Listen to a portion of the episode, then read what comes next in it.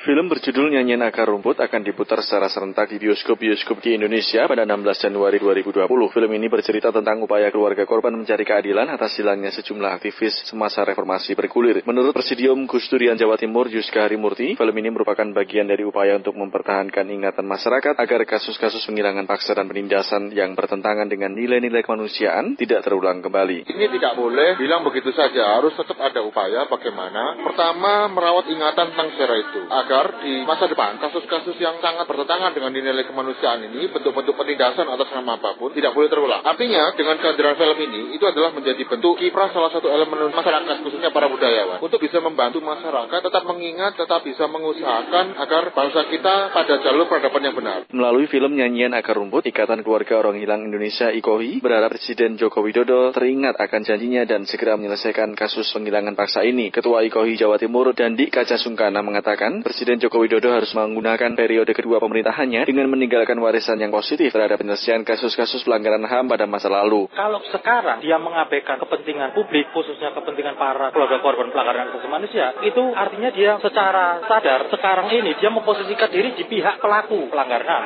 bukan memposisikan diri di pihak korban pelanggaran hak asasi manusia. Nah kalau begitu realitasnya, ya apa yang bisa diharap dari Jokowi dalam periode kedua ini? Kita tunggu saja dalam beberapa waktu ke depan, apakah dia merespon, khususnya dalam momentum pemutaran film ini, teman-teman di Jakarta secara langsung mendatangi istana itu dua hari yang lalu dan mengundang Bapak Jokowi untuk menonton film ini. Tujuannya sebetulnya supaya beliau ingat bahwa dia pernah berjanji akan menyelesaikan kasus penghilangan paksa ini. IKOI Jawa Timur, kata Dandi, juga mengingatkan kembali Presiden Joko Widodo yang memegang kendali penuh atas penyelesaian sejumlah kasus pelanggaran HAM masa lalu yang telah direkomendasikan oleh Komnas HAM dan DPR RI untuk menyelesaikannya. Pada periode ini kami mau sekali lagi mengingatkan bahwa ada satu persoalan besar bangsa ini ini yang harus segera diselesaikan, yaitu soal pelanggaran asasi manusia, khususnya soal kasus penghilangan paksa ini. Karena kasus ini sebetulnya bolanya ada di tangan Presiden, karena Komnas HAM sudah melakukan penyelidikan, DPR sudah memberikan rekomendasi untuk menggelar pengadilan HAM dan juga membuat tim pencarian untuk orang hilang itu. Itu dua dari empat rekomendasi yang dibikin DPR. Dari DPR itu kan rekomendasi kepada Presiden. Nah sekarang yang bisa melanjutkan proses penyelesaian kasus penghilangan paksa, satu-satunya institusi ya kepresidenan, Presiden dalam hal ini.